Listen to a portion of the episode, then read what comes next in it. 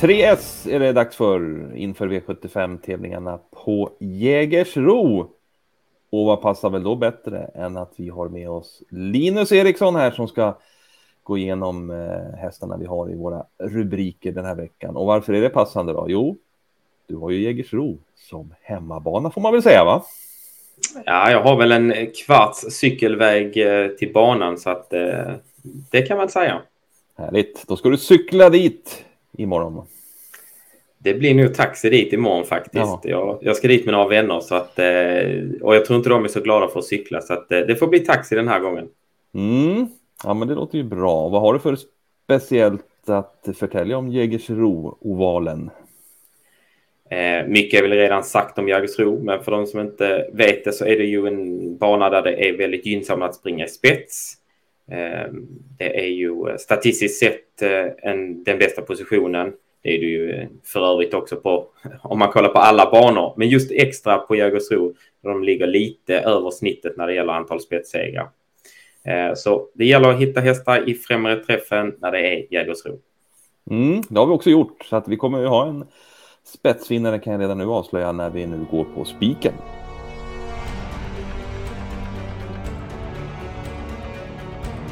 Då så, dags för spiken på V75 den här veckan och eh, vi landar väl direkt då i V75 1. Yes, vi drar plåstret direkt och spikar ett quenchless tile. Det här är ju en häst som Untersteiners har pratat gott om här under året. Eh, sen tog det väl lite tag för hästen att eh, verkligen börja blomma ut och det har den gjort efter att först och främst blivit vallack då, kastrerades inför året. Sen eh, gjorde man lite utrustningsändringar här för fyra starter sedan. Man ryckte skorna, satte på ett helstängt huvudlag och körde i jänkarvagn. Och eh, ja, vilken effekt man har fått. Ehm, första starten ehm, med de här utrustningsändringarna stod för en stark insats utvändigt ledaren, men fick ge sig precis på sista biten av en smygkörd. Men revanschen skulle komma snabbt. Gången efter dundrade han till spets från spår 3 på Åby och eh, var sedan helt överlägsen i ett V86-lopp. Sen har det visserligen inte blivit segrar efter det, men eh, tredjeplatsen där på eh, Färjestad togs ju mer smakande. Ehm, han fick dock en ryggresa då och eh, är det någonting man eh, ska tänka på när det är quenchless time är ju att han är en utpräglad frontrunner. Han visade ju i starten senast att han trivs att springa utan rygg. Då var det visserligen dödens, men han stod ju för ett kanonlopp då när han slutade tvåa bakom Without uh, a Doubt. Ehm, nu läser vi spets i programmet. Spets trivs som sagt bra, tagit alla sina tre segrar därifrån. Och på en snabb Jägersro-bana där spetshästen ofta gynnas så ser vi inget annat scenario än spets och slut. Ja, det var ju klappat och klart alltså. Och eh, ja, jag tycker jag har förtält det mesta av Quenchless Tile den här gången. Så att eh, vi stänger väl loppet här helt enkelt och säger som du sa där, spets och slut på Quenchless Tile.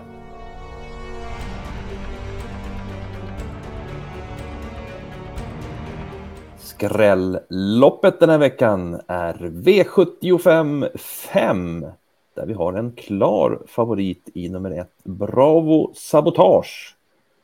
Och ja, vad säger de? Den hästens uppgift den här gången? Vi får väl säga att det liknar lite Quenchless Tile uppgift här ju. Han har ju samma spår, trivs oerhört bra i ledningen var han eh, tagit eh, majoriteten av sina segrar.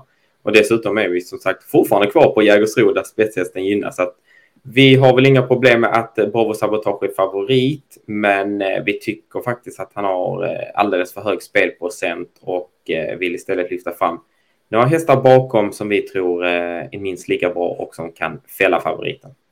Mm, det låter ju härligt. Ja, vi har ju faktiskt ett par hästar till där i A-gruppen så att ja, vi tror väl inte helhjärtat på att att Bravo Sabotage eh, bara vinner då?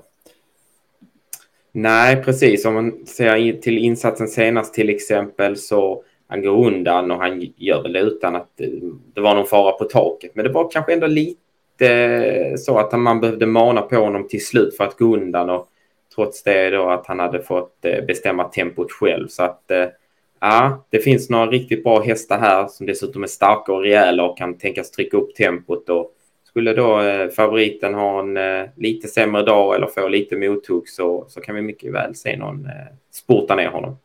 Mm, så är det ju. Den här, en av de bra hästarna måste väl ändå vara nummer fem, Achilles Face. Ja, han är väl utan att, utan att säga för mycket är han väl bäst i fältet. I alla fall av det han har visat hittills. Sen får man ju inte alltid ut det bästa av honom. Det är väl det som är hästens problem. Men skulle han stå för en toppinsats och eh, sköta sig så är det en mm, häst som kan vinna det här från dödens. Mm, har du något mer att bjuda på här? Ja, av de eh, riktigt roliga vi har att bjuda på så vill vi lyfta fram 10 Asnau de Rum. Eh, hästen kommer visserligen från en lite mindre bra prestation, eller en dålig prestation rent ut sagt, på Färjestad. var hårt betrodd då, men svek då efter en eh, lite strulig resa.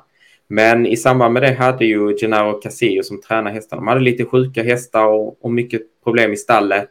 Det verkar vara löst nu. Hästarna har börjat visa bättre form på sistone.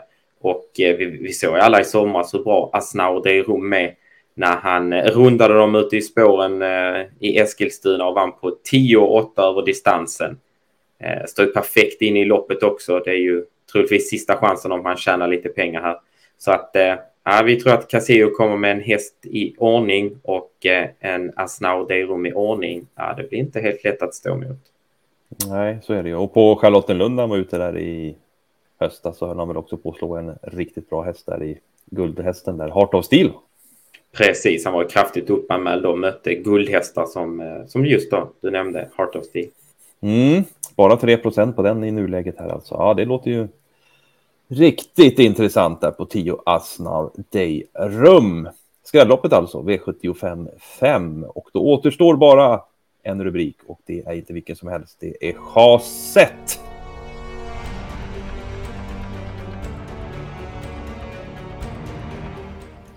Veckans chas kommer först i V75 7, så vi får vänta länge till det här och du får väl berätta lite om det här loppet nu och hur vi tänker här på travronden.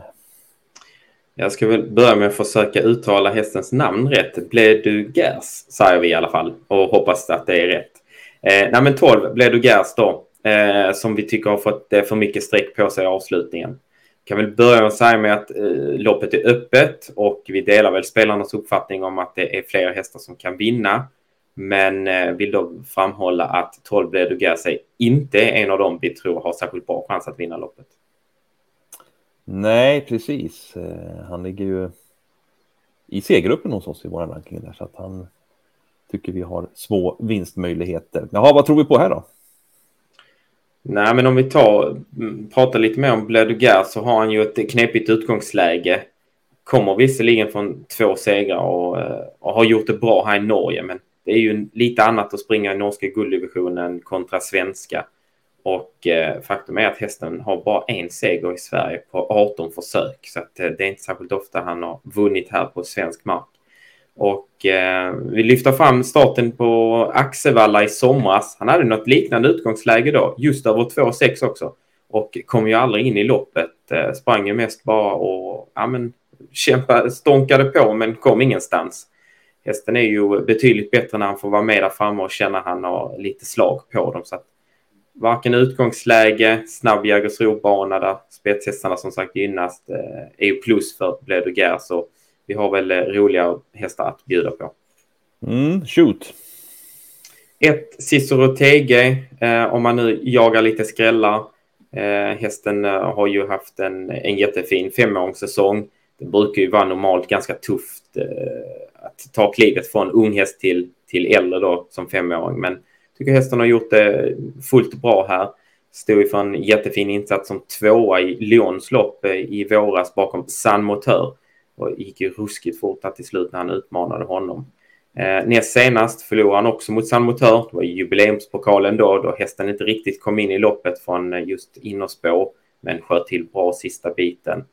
Eh, innerspår skulle man kanske vid en första anblick tänka bli lite tufft även nu. Och, eh, men det är inte de snabbaste hästarna utvändigt. Det är väl två Unico Broline som vi tror eh, tar oss förbi. Och, ja, men i övrigt så är det inte helt omöjligt att Cicero Tege håller ut eh, och kan ta ryggledaren.